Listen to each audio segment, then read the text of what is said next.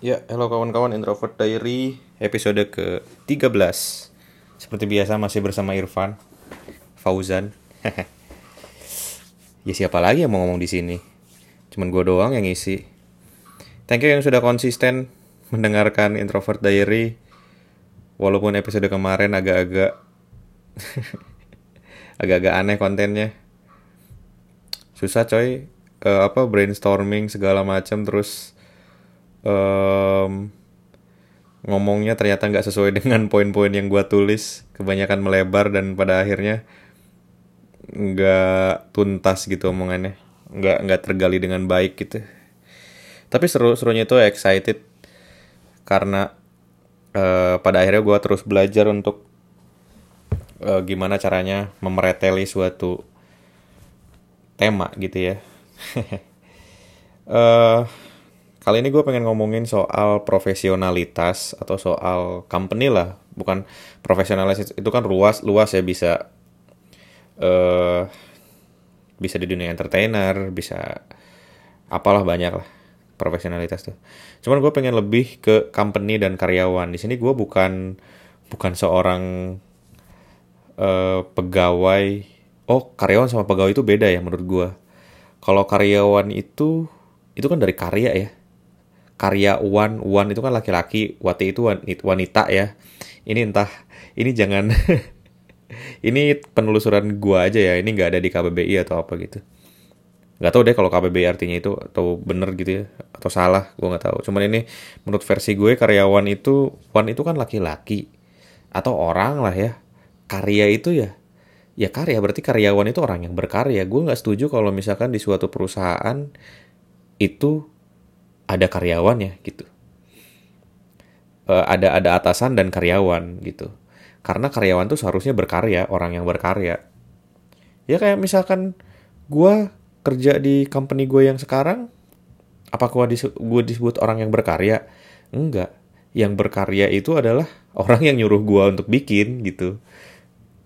Nah itu karyanya dia. Dia yang yang yang yang apa? Yang meminta gue untuk membuat suatu karya gitu. Dan gue di sini adalah pegawai. Pegawai itu yang mengerjakan yang mengerjakan sesuatu yang diperintahkan gitu. Jadi kalau misalkan kayak marketing apa oh, gue karyawan sini karyawan sini. Dan anehnya kenapa ya di dunia ini tuh di dunia ini di Indonesia ini tuh karyawan itu dipandang dipandang biasa saja ya. Karena eh kayak misalkan lu bikin buku tabungan gitu lu akan ditanya lu tuh karyawan swasta karyawan negeri atau wirausahawan? gitu. Seolah-olah si karyawan ini tuh levelnya tuh standar gitu.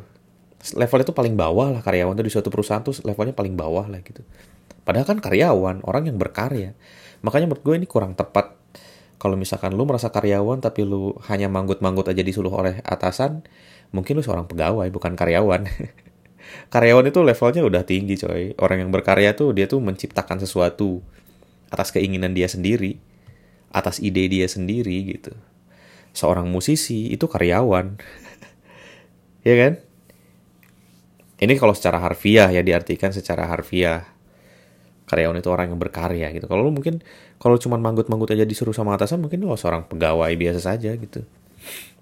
Dan dalam suatu company seorang karyawan itu memang level paling bawah sih OB juga seorang pegawai, eh karyawan, pegawai. OB juga seorang pegawai ya, jangan lupakan itu. Jadi kalau misalkan lu seorang manajer di suatu perusahaan, lu masih seorang pegawai. Karena lu eh, mengerjakan apa yang diperintahkan oleh suatu company gitu.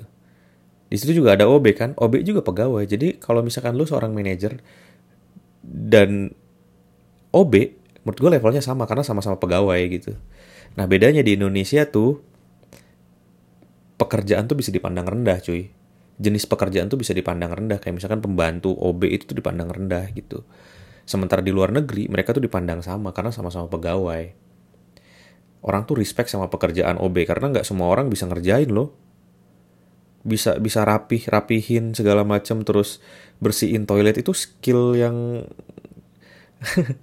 skill yang terbentuk gara-gara pengalaman loh dan kalau gue lihat ya gue kan ada temen yang kerjanya OB juga dan gue tuh melihat dia tuh dari muda dari gue teman SD dari SD tuh dia kalau gue main ke kamarnya tuh emang selalu rapi cuy kamarnya. Dan mungkin itu bakatnya dia. Bakatnya dia itu di rajin ya. Bakatnya itu ditelaten lah gitulah detail mungkin ya. Seorang pegawai OB yang detail tuh sepertinya itu pegawai OB terbaik sih. Yang punya skill detail. Jadi menurut gua gua sama sekali tidak pernah memandang rendah pekerjaan lain. Jadi kalau misalkan lu memandang lain eh, memandang orang lain yang kerjaannya mungkin menurut lu tidak sekeren lu ingat lu berdua tuh sama-sama pegawai cuy. Jadi sama aja Hah, nah itu ya ngomongin, ya jadi ngomongin karyawan sama pegawai dulu nih. Rencananya mau di akhir itu. Uh, kenapa gue pengen bahas ini? Karena ini tuh mengganggu kepala gue di beberapa, bahkan dari beberapa tahun yang lalu gitu. Semenjak gue mulai nyemplung di dunia uh, profesional yang berhubungan dengan company gitu kan.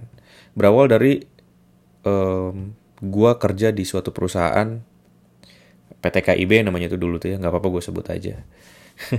Di situ tuh itu suatu suatu perusahaan software house uh, eh, gue tuh dulu pengennya sebenarnya jadi seorang desainer cuman karena dulu tuh gue ngelamar sana sini menjadi desainer dan gak ada yang nerima mungkin karena skill gue juga jelek ya portofolio gue juga nggak bagus-bagus banget makanya gue nggak diterima di mana-mana gitu. Terus temen gue yang seorang programmer atau seorang software engineer ngehubungin gue kalau di perusahaannya membutuhkan uh, pegawai yang untuk project long term gitu. Pada akhirnya gue ambil karena kalau nggak gue ambil gue akan kelaparan. gue nggak bisa bertahan hidup. Sementara ketika itu orang-orang udah pada dapat kerja, sementara gue belum. Jadi gue ambil kerjaan itu dan PT KIB lah yang uh, menjadi, menjadi pelabuhan utama gue. Eh, pelabuhan pertama gue di dunia software engineer ini dan kenapa gue berani nyebutin ini PT KIB karena perusahaannya juga sudah bangkrut. Uh, di situ tuh culture-nya sangat seru. Nah, ini nih di suatu perusahaan tuh menurut gue yang bisa membuat seorang pegawainya bekerja dengan maksimal itu adalah culture. Hmm, apa ya? Semacam suasana bekerja lah ya. Suasana bekerja tuh bukan nggak nggak hanya jarak yang dekat dari rumah atau tempatnya di pusat kemacetan atau tempatnya gersang apa gitu segala macam. Sebenarnya bukan hanya soal itu. Itu menjadi faktor pendukung. Tapi sebenarnya nggak nggak hanya itu. Culture itu adalah berhubungan dengan orang-orangnya juga. Orang-orangnya seru. Dan menurut gua gua gua bekerja di beberapa perusahaan nih terutama startup ya gue gue nggak ngomongin uh, corporate ya. Gue ngomongin startup. Karena gue uh, nyemplung di dunia itu sudah lama gitu. Menurut gue culture yang yang membedakan itu adalah orang-orangnya gue bekerja di beberapa perusahaan gue menerima banyak uh, apa banyak jenis orang banyak jenis cara bekerja terutama dari aturan juga. Nah, itu mempengaruhi orang-orangnya dan orang-orang ini membuat kita selalu berkata I hate Monday. I hate Monday ya? Iya, I hate Monday. Benci hari Senin. Sebenarnya hmm, eh, bukan hanya faktor itu, Deng.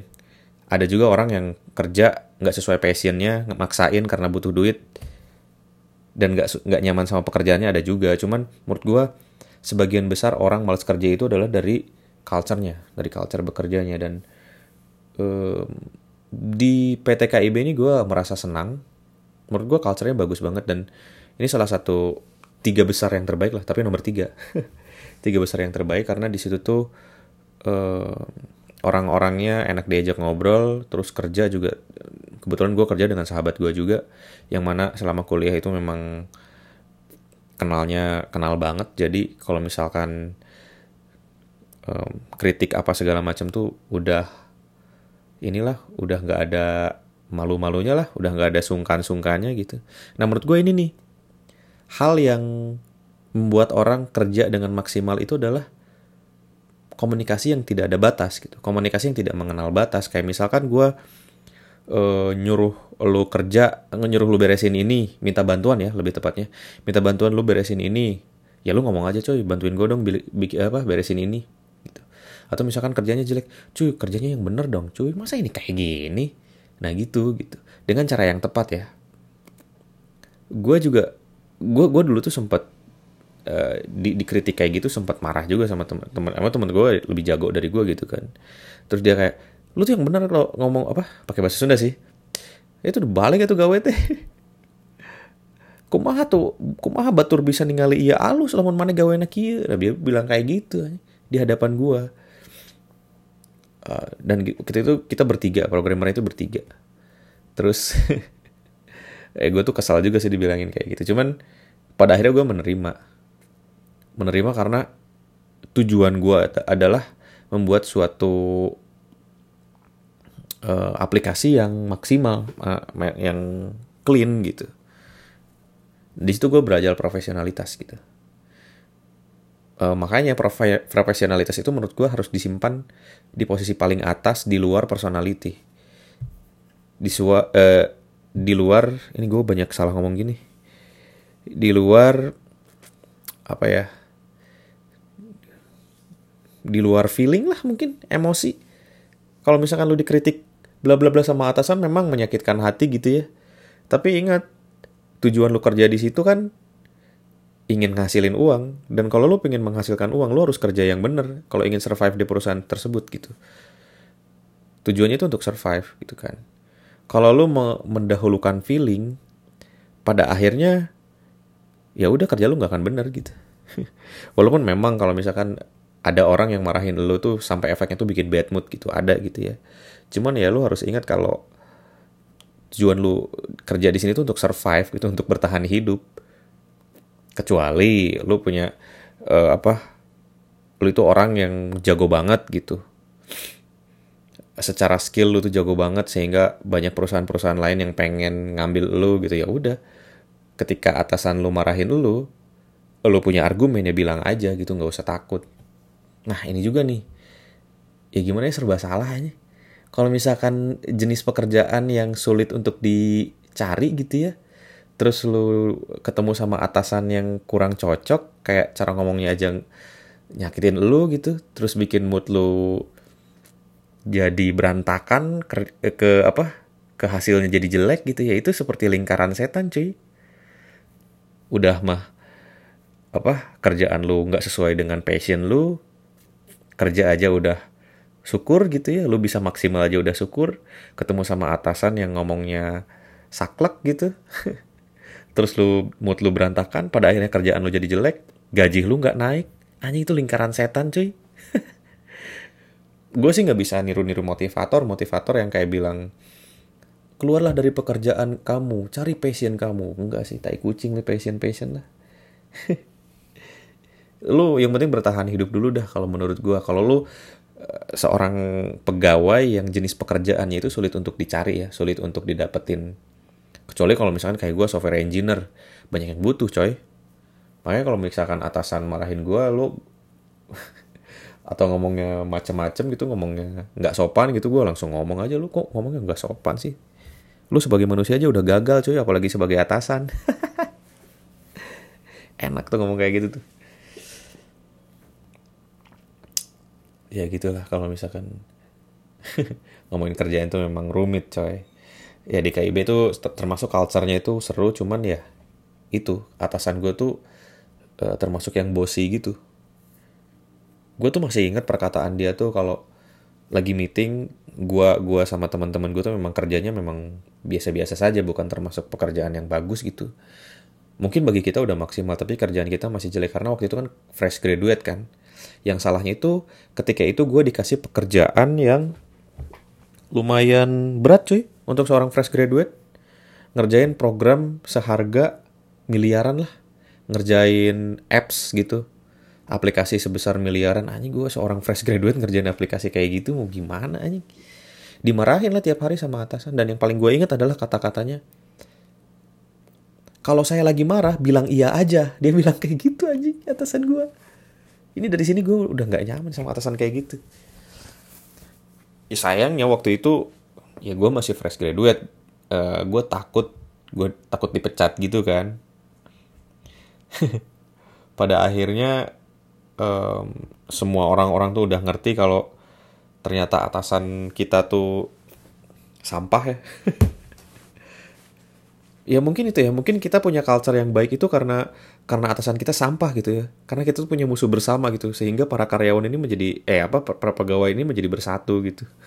Ada untungnya juga punya atasan yang sampah ya. Ada. Memang sebenarnya untuk mengoptimalkan hal yang kita beri untuk sesuatu itu bisa maksimal dengan adanya lingkungan. Dan lingkungan menjadi kondusif jika kita menghadapi satu musuh bersama gitu. Ya jadi plus minus lah. ya pada akhirnya gue resign dan gue kabur. resign itu nggak baik-baik gue kabur ya gimana lagi coy atasan gue galak aja. Terus gue mentalnya jelek. Terus waktu itu atasan gue bilang kayak, oh, ah, gue tuh nggak nggak nggak suka nggak suka sama caranya dia dia kok kabur kenapa nggak pamitan dulu sama saya apalah gitu Ya lu pikir sendiri sifat lu kayak gitu anjing. Siapa yang ditambah gue fresh graduate lagi mental gue belum kebentuk. Ya gue takut dimarahin lah. Ya wajar aja lu lu ngaca dulu lah sebagai atasan. Aduh. Ya mungkin itu ya orang tuh jarang berkaca kali ya. Sehingga dia tuh nggak tahu kalau uh, apa nggak tahu kalau sifatnya dia tuh membuat para bawahannya dia tertekan aja. Terus gue habis keluar dari KIB, gue kerja di Telkom.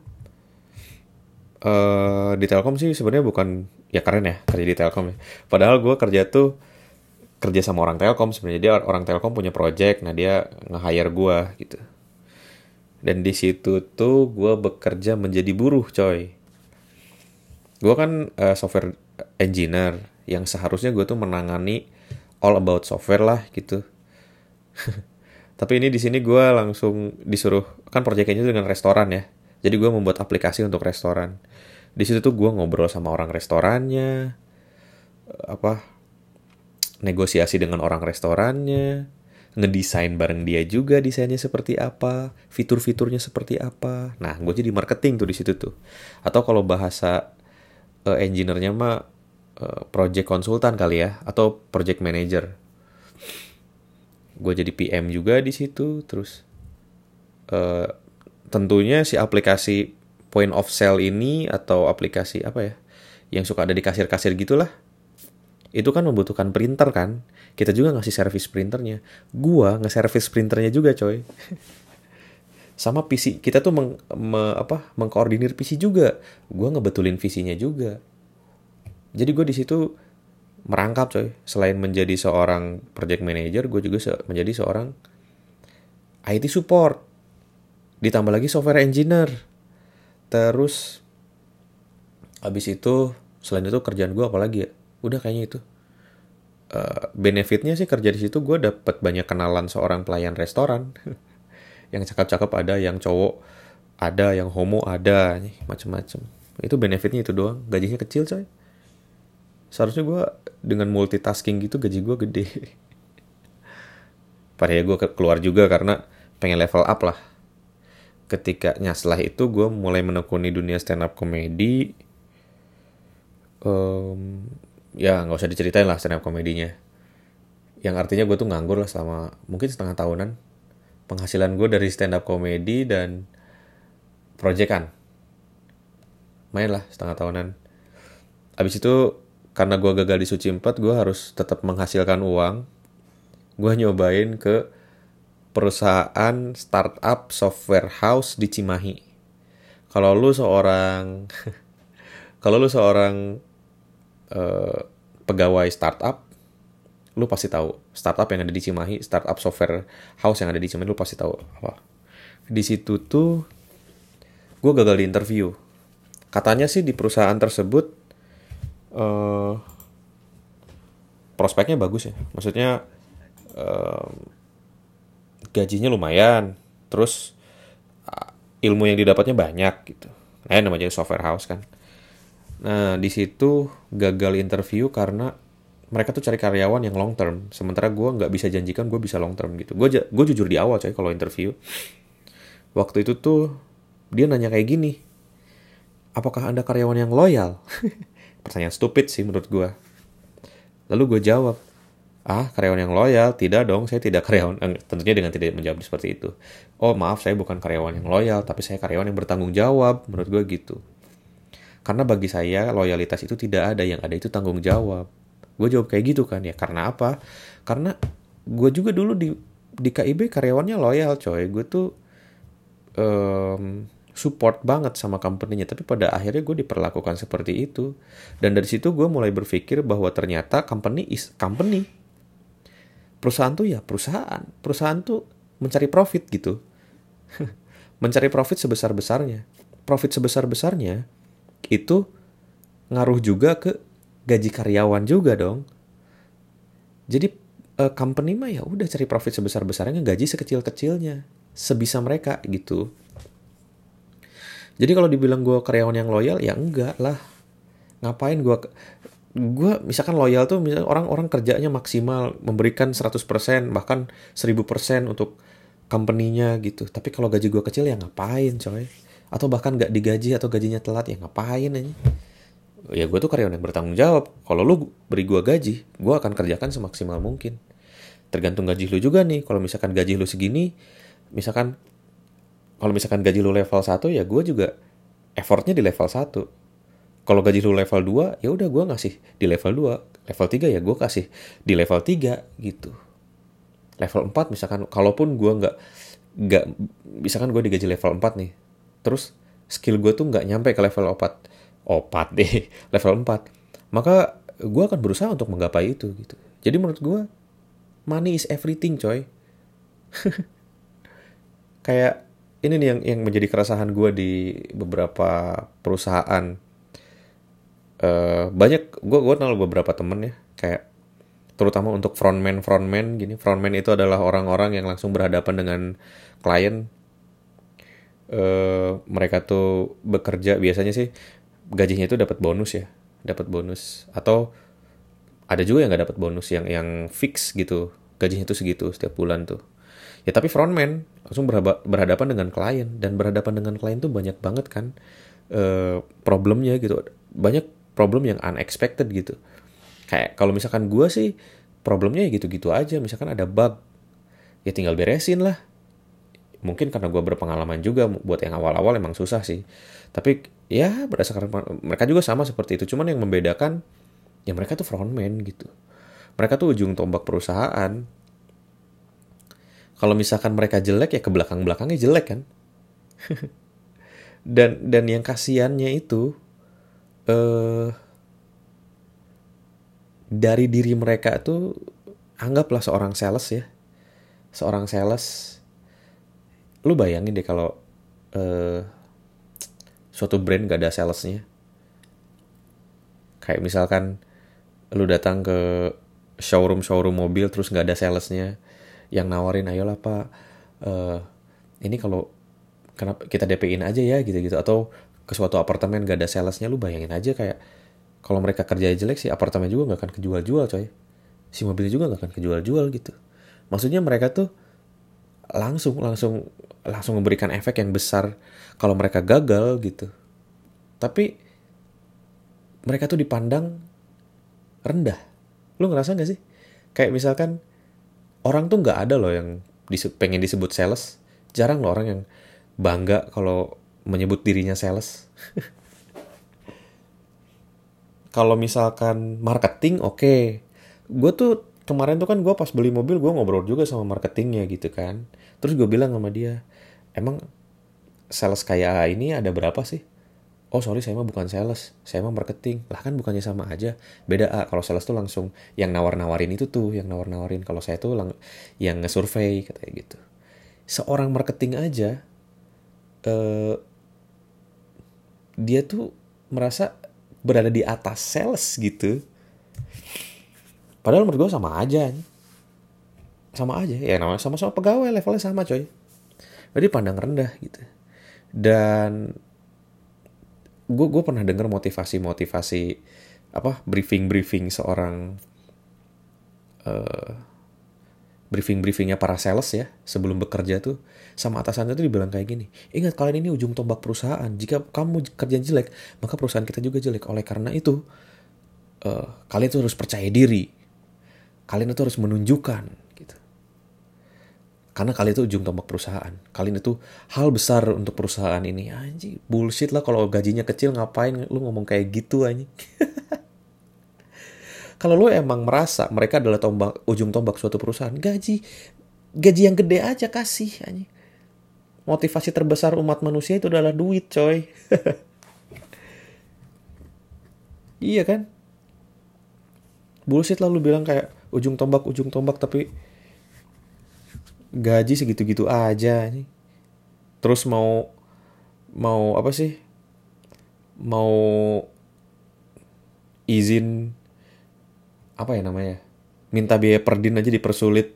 Perjalanan dinas ya perdin mau jalan keluar kota ditempatkan di mana gitu untuk ngerjain keep in touch dengan klien tapi dipersulit nih ujung tombak dari mananya coy? Kalau emang ngerasa ujung tombak ya kasih lah apa yang mereka mau aja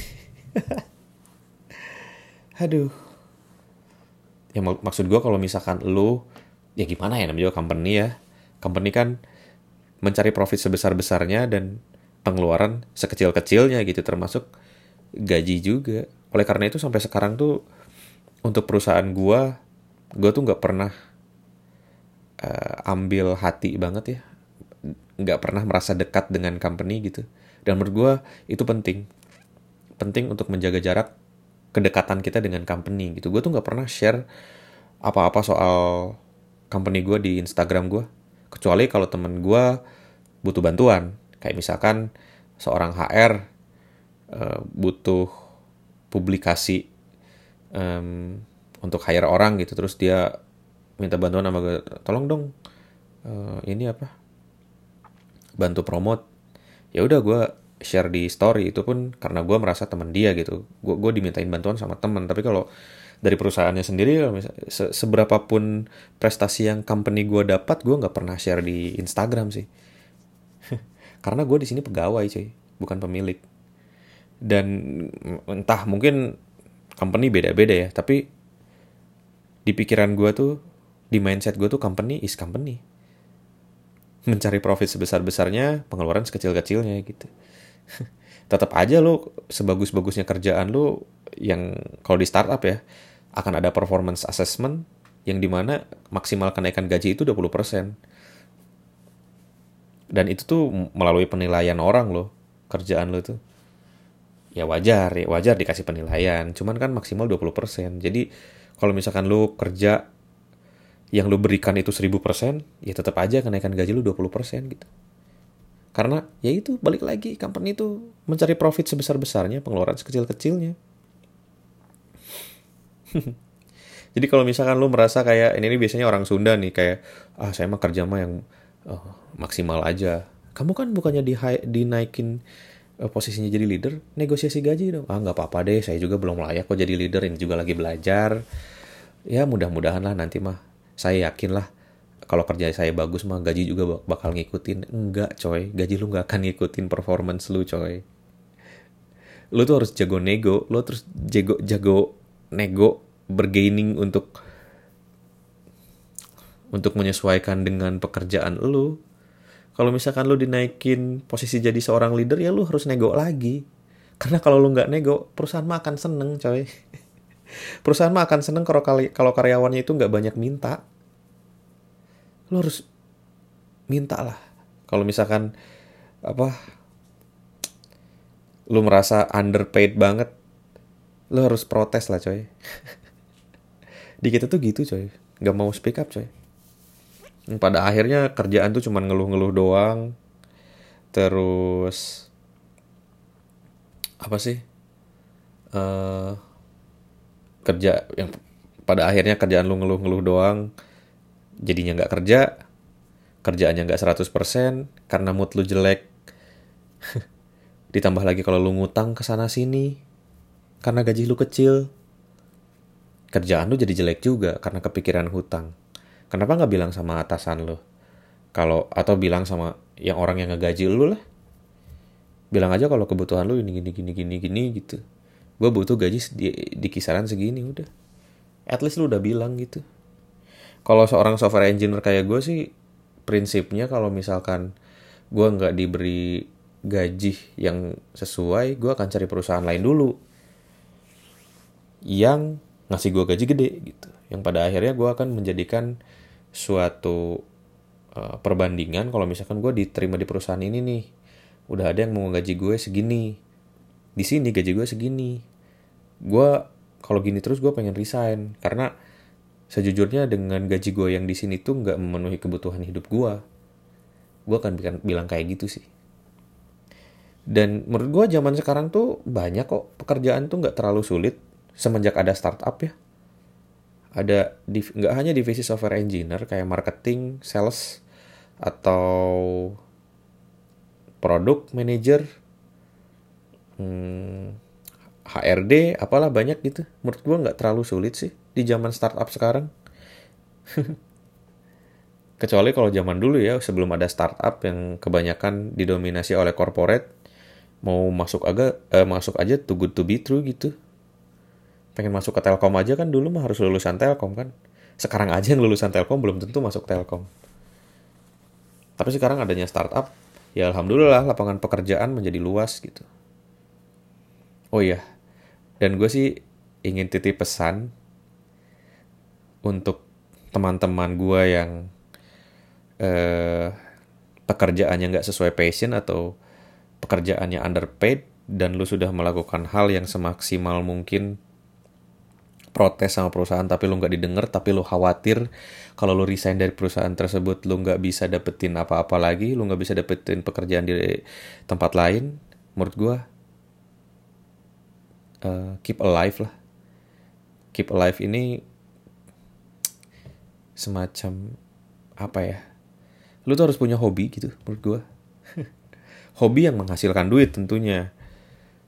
Um, walaupun jarang sih maksudnya passion yang menghasilkan duit kayak misalkan uh, lu suka menggambar ya lu publish lah uh, skill lu di sosial media gitu. Zaman sekarang tuh orang-orang tuh bisa dapetin duit dari hal-hal yang kayak gitu coy Walaupun memang kata orang-orang tuh kalau misalkan main di sosial media sesuai dengan passion lu, orientasinya di awal-awal jangan pakai eh, jangan ke duit dulu katanya gitu. Tapi ya gimana ya susah ya. susah coy kalau di kalau kita dihadapkan dengan kesulitan ekonomi mau gimana coy? Pasti apa pun yang kita lakukan ujung-ujungnya pengen dapet duit kan? Ya, gua nggak tahu sih formulanya gimana. Ketika kita butuh duit, terus kita senang melakukan passion kita, dan pada akhirnya itu menghasilkan uang gitu. Awalnya tuh nggak mikirin duit dulu terus tiba-tiba nggak uh, apa ngasilin duit aja. Gue nggak tahu sih formulanya. Yang jelas jadikanlah si passion ini menjadi alasan lo untuk tetap hidup gitu. Tetap hidup ini kan ya maksud gue tuh kayak membuat lo semangat untuk menjalani hidup lah si passion ini tuh ya apa pun itu misalkan lo senangnya godain cewek gitu lo punya skill di situ ya udah aja jalanin coy. Atau lo suka ngegambar upload lah ke sosial media gitu. Kayak gue nih kayak bikin podcast ini sebenarnya salah satu cara untuk keep alive coy. Emang lo pikir gue kerja sebagai software engineer itu sesuai passion gue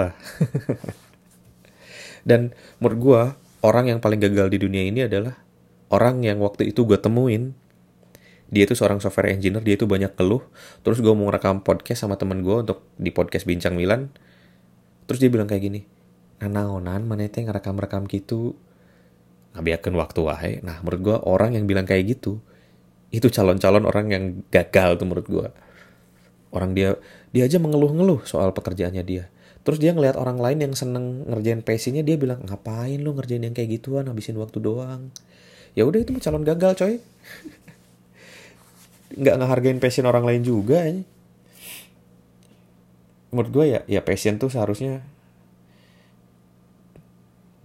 tidak langsung menjadi sesuatu yang bisa dijadikan uang atau tidak langsung menjadi hal yang apa ya bukan bukan profesionalitas lah di awal gitu jadi kayak uh, ini di luar di luar passion passion yang ngeluarin duit ya. Kan banyak kan passion yang nggak perlu ngeluarin duit kayak main gitar. Lu lu nggak punya gitar lu bisa pinjem bikin musik main band itu mah ya ngeluarin duit sih bayar bayar untuk sewa uh, studionya. Tapi kan itu nggak gede-gede banget. Cuman kalau passion lu main golf wow. Atau main bowling wah. Sulit dah kalau kayak gitu. Temen gue juga ada yang passionnya itu beli-beli sepatu mahal dan pada akhirnya sepatu itu dia jual ketika dia mau nikah coy. Bisa jadi investasi juga tuh sepatu. Itu tergantung modal juga ya. Ada orang passionnya tuh modif-modif mobil wah itu lebih berat lagi tuh. Ya lo harus sebelum ke passion yang gede-gede gitu lo harus sesuaikan dulu dengan pekerjaan lo dengan penghasilan lo gitu. Dan gue gue percaya ada banyak hal yang bisa kita kerjakan untuk membuat kita menjadi lebih senang gitu. Untuk kebahagiaan kita sendiri gue dulu suka gambar. Hmm, podcast ini juga gue rekam eh, nggak uh, mahal-mahal banget kok. Gue uh, handphone gue iPhone SE second harganya sekitar dulu tuh beli sekitar 2 jutaan. Eh 2 juta 3 juta ya? Eh segitulah. Tiga hasil ngumpulin juga. Terus gue mic beli mikrofonnya. Tanpa mikrofon juga bagus kok. Tinggal install Anchor udah aja. Bisa jadi ya untuk untuk membuat gue tetap bisa bahagia menjalani hidup ini mah itu suatu harga yang murah coy. Dan ya sesuaikan ya dengan budget lu ya. Itu sih. Kalau misalkan lu bosen dengan pekerjaan lu cari aja passion yang pas. Itu untuk untuk menghibur diri lu ya.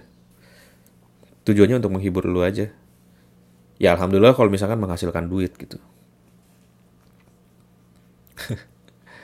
Terus balik lagi ngomongin soal profesionalitas di suatu company. Gue tuh ngobrol waktu itu sama seorang teman yang bilang kalau uh, kalau atasan lu lu harusnya kasihan dong.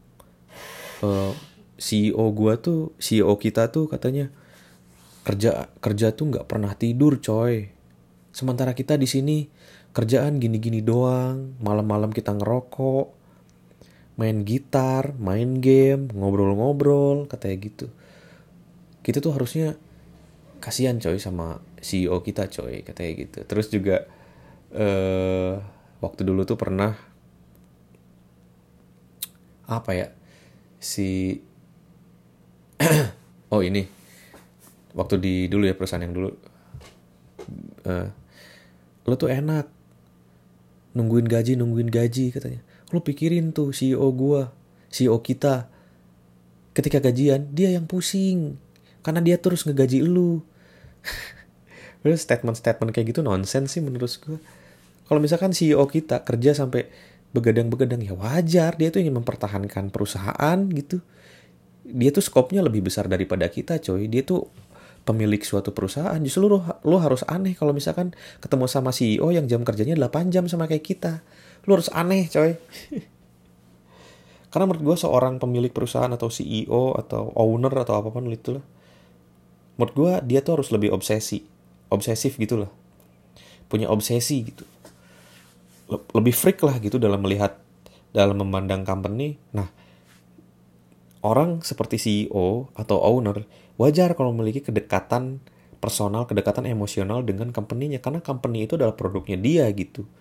Beda sama kita, kita tuh seorang pegawai, pegawai yang dibayar dibayar yang besaran bayarannya itu ya sesuai dengan apa yang kita bisa gitu. Terus emangnya kalau misalkan CEO kita harus begadang-begadang, kita harus begadang-begadang juga gitu ngerjain ngerjain apa task yang dikasih sama atasan atau uh, ngelihat problem-problem yang ada terus kita kerjain. Gue kita nggak nggak boleh ngerokok nggak boleh main game kita harus kerja terus gitu. Ya enggak lah justru justru CEO kita tuh kerja biar kita bisa malas-malasan kayak gini coy. Nggak sebenarnya malas-malasan tuh lu boleh malas-malasan kalau kerjaan lu udah beres ya kalau belum beres lu malas-malasan berarti lu ya sampah lu juga. Lu patut dipertanyakan kalau kayak gitu. Sama seperti eh, seperti para pahlawan kita lah.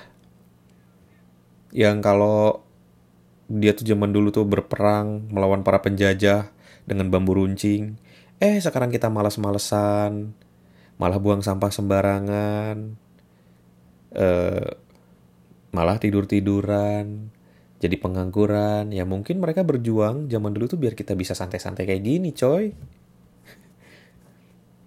Terus uh, lu tuh pikirin dong, CEO kita tuh kalau kita gajian dia pusing gitu ya wajar dia pusing. Emang karena dia harus ngegaji kita gitu. Gak usah dipikirin dia pusing atau enggak, yang penting kita dapat gaji, coy. Karena itu berada di kontrak, gitu tuh bakalan digaji. Terus kalau kalau dia mikirin ngeluarin duit buat gaji kita, kita juga mikirin gitu, harus mikirin duit ini harus dikembaliin ke dia gitu. Absurd emang statement-statement orang. Menurut gue, setiap orang tuh punya kapasitasnya gitu. Setiap apa? Setiap level setiap level tuh ada ada ada responsibility-nya lah yang berbeda lah. Kayak termasuk leader kita nih. Misalkan leader kita tuh bisa sampai begadang Sabtu Minggu masih kerja ya wajar dia leader gitu. Dia harus ngatur orang-orang. Dia harus uh, menjaga performance timnya sementara si timnya itu tahunya dikasih kerja doang gitu ya. Ya udah ngapain kita harus begadang lagi Biar dia aja yang begadang coy. Begitu juga kalau misalkan lu jadi leader ya, wa, ya siap-siap aja lu akan dihadapkan dengan tanggung jawab yang besar gitu. Karena lu harus menghandle divisi yang besar gitu, menghandle pekerjaan yang besar, ngatur-ngatur orang, ngatur-ngatur kerjaan, uh, ngelihat ke depannya kira-kira um, divisi lu akan lebih sustain atau enggak gitu.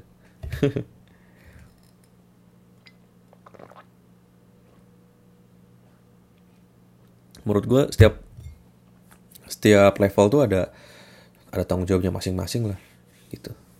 Yang terpenting daripada lu mikirin atasan lu kerja sampai begadang-begadang daripada mikirin itu mendingan lu mikirin pekerjaan lu bener gak? Pekerjaan lu bisa beres dengan benar atau tidak?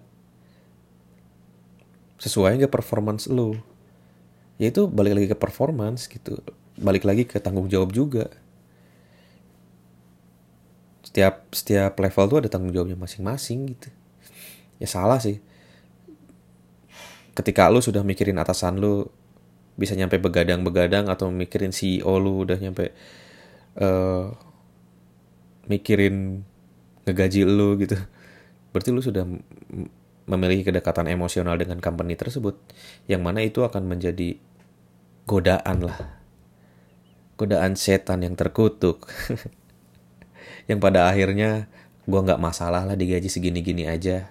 Kasihan CEO gue kerjanya sampai begadang-begadang. Padahal gaji lu tuh underpaid gitu. Ya udah berhubungan sama duit mah lu harus speak up lah coy.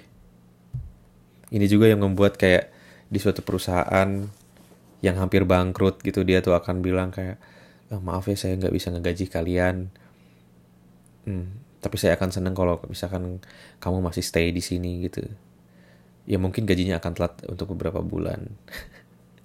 Terus lu kalau karena lu ngerasa kedekatan emosional dengan company tersebut lu tuh oh iya saya akan sabar. Dan lu berharap ketika duitnya sudah mulai stabil lu akan diangkat menjadi seorang uh, eh, VP gitu vice presidennya perusahaan tersebut karena lu loyal di perusahaan itu Eh ternyata ketika duitnya sudah stabil dia malah hire orang lain yang lebih jago. Apes coy. Makanya gue sih gak pernah percaya sama loyalitas, loyalty. Gue tuh lebih percaya sama tanggung jawab gitu. Kalau lu bisa gaji uh, kalau lu minta gue kerja ya lu harus gaji gue, gitu sih. Oh, tadi tuh ceritanya sampai mana sih? Sampai gue tuh, oh ngelamar yang ke Cimahi itu ya? Uh, oh, nggak cerita-cerita yang lain udah nggak penting lagi coy. nggak ada yang seru lagi dari cerita-cerita gue yang jelas. Gue tuh kerja di Beri BNK di Jakarta. Ini yang agak menarik nih di sini nih. Gue tuh interview. Oh iya interview ngomongin interview ya. Gue tuh interview di sana. Gue tuh selalu mencantumkan di CV gue kalau gue tuh adalah seorang stand up comedian yang mana mereka tuh kan suka nanya kan di formulir tuh kalau hobi kamu apa ya hobi hobi gue stand up comedy itu termasuk hobi gue gitu. Ya gue nggak bisa bohong dong. Masa gue tutup tutupin dan gue juga pernah menjadi seorang mentor uh, komunitas stand up comedy gitu di Bandung. Dan gue masukin ke CV coy. Jadi dia tuh tahu kalau gue tuh stand up comedian pernah lah waktu itu diberi BNK dan mungkin ini menjadi legenda ya di sana di sana gue interviewnya disuruh stand up coy. Si mbaknya tuh bilang kayak uh, si Mbak HRD-nya ya sama satu ada dua HRD-nya tuh yang eh nggak satu si Mbak itu yang satu lagi seorang project manager. Project manager IT lah gitu. Dia tuh bilang kayak gini si ceweknya tuh kayak oh cobain uh, stand up dulu. Nah ini saya ketawa atau enggak nih? Kalau misalkan saya ketawa kamu diterima di sini. Kalau saya nggak ketawa kamu nggak lucu ya maaf maaf nih. Dia bilang kayak gitu aja beban banget kan gue stand up kan? Untungnya lucu coy itu keajaiban jodoh mungkin gue sama perusahaan itu. Ya untung lucu. Aneh-aneh sih interview itu dan yang paling paling aneh itu adalah interview di perusahaan gue yang sekarang. Itu paling aneh pertanyaannya itu mungkin kata orang-orang menjebak ya. Tapi menurut gue itu adalah pertanyaan absurd gitu. Uh, waktu itu gue ditanya kayak um, kalau misalkan anda itu adalah pemilik perusahaan ini, apakah Anda ingin meng-hire seorang Irfan Fauzan? Katanya. Kasih tahu kenapa Anda harus meng-hire dia. Katanya bilang kayak gitu. Ya gue mah pertanyaan absurd gue jawab dengan jawaban yang absurd dong. Gue jawabnya menurut saya penting hire saya karena saya itu memiliki performance yang baik. Saya punya histori yang bagus juga di perusahaan-perusahaan sebelumnya. Dan saya itu bisa menjamin pekerjaan saya bagus banget dibandingkan orang-orang lain. Dan kalau suatu saat kerjaan saya jelek, maka itu akan menjadi pelajaran buat saya yang ke depannya itu saya yakin saya nggak akan pernah ulang kesalahan itu. Gue bilang kayak gitu aja. Orang-orang tuh kayak, kenapa? Ya, mungkin orang yang kurang berpengalaman. Gue juga nggak berpengalaman dari interview sih. Tapi mindset gue, pertanyaan yang absurd ya gue jawab dengan absurd juga pertanyaan yang ngarang gue jawab dengan ngarang juga mungkin gue nggak sepede itu ya gue nggak sepede itu kalau kerjaan gue 100% bagus gitu. Tapi kan ini kan pertanyaan yang berhayal gitu. Dari pertanyaan juga berhayal gitu kan. Ya udah gue jawab dengan berhayal juga orang-orang tuh ngerasa ini tuh jadi tekanan gitu kayak aduh gimana ya? Kenapa saya harus nge-hire diri saya? Wah bingung gitu jawabannya gimana? Ya udah nggak salah aja coy. Imajinasi aja mainin coy. Uh, terus apalagi yang absurd absurd tuh uh, dalam pekerjaan itu kan ada tiga hal. Gue gua gue lupa lagi. Mungkin ada tiga gitu ya. Ada hubungan dengan manusia ada maksudnya tongkrongan lah sosialisasi ada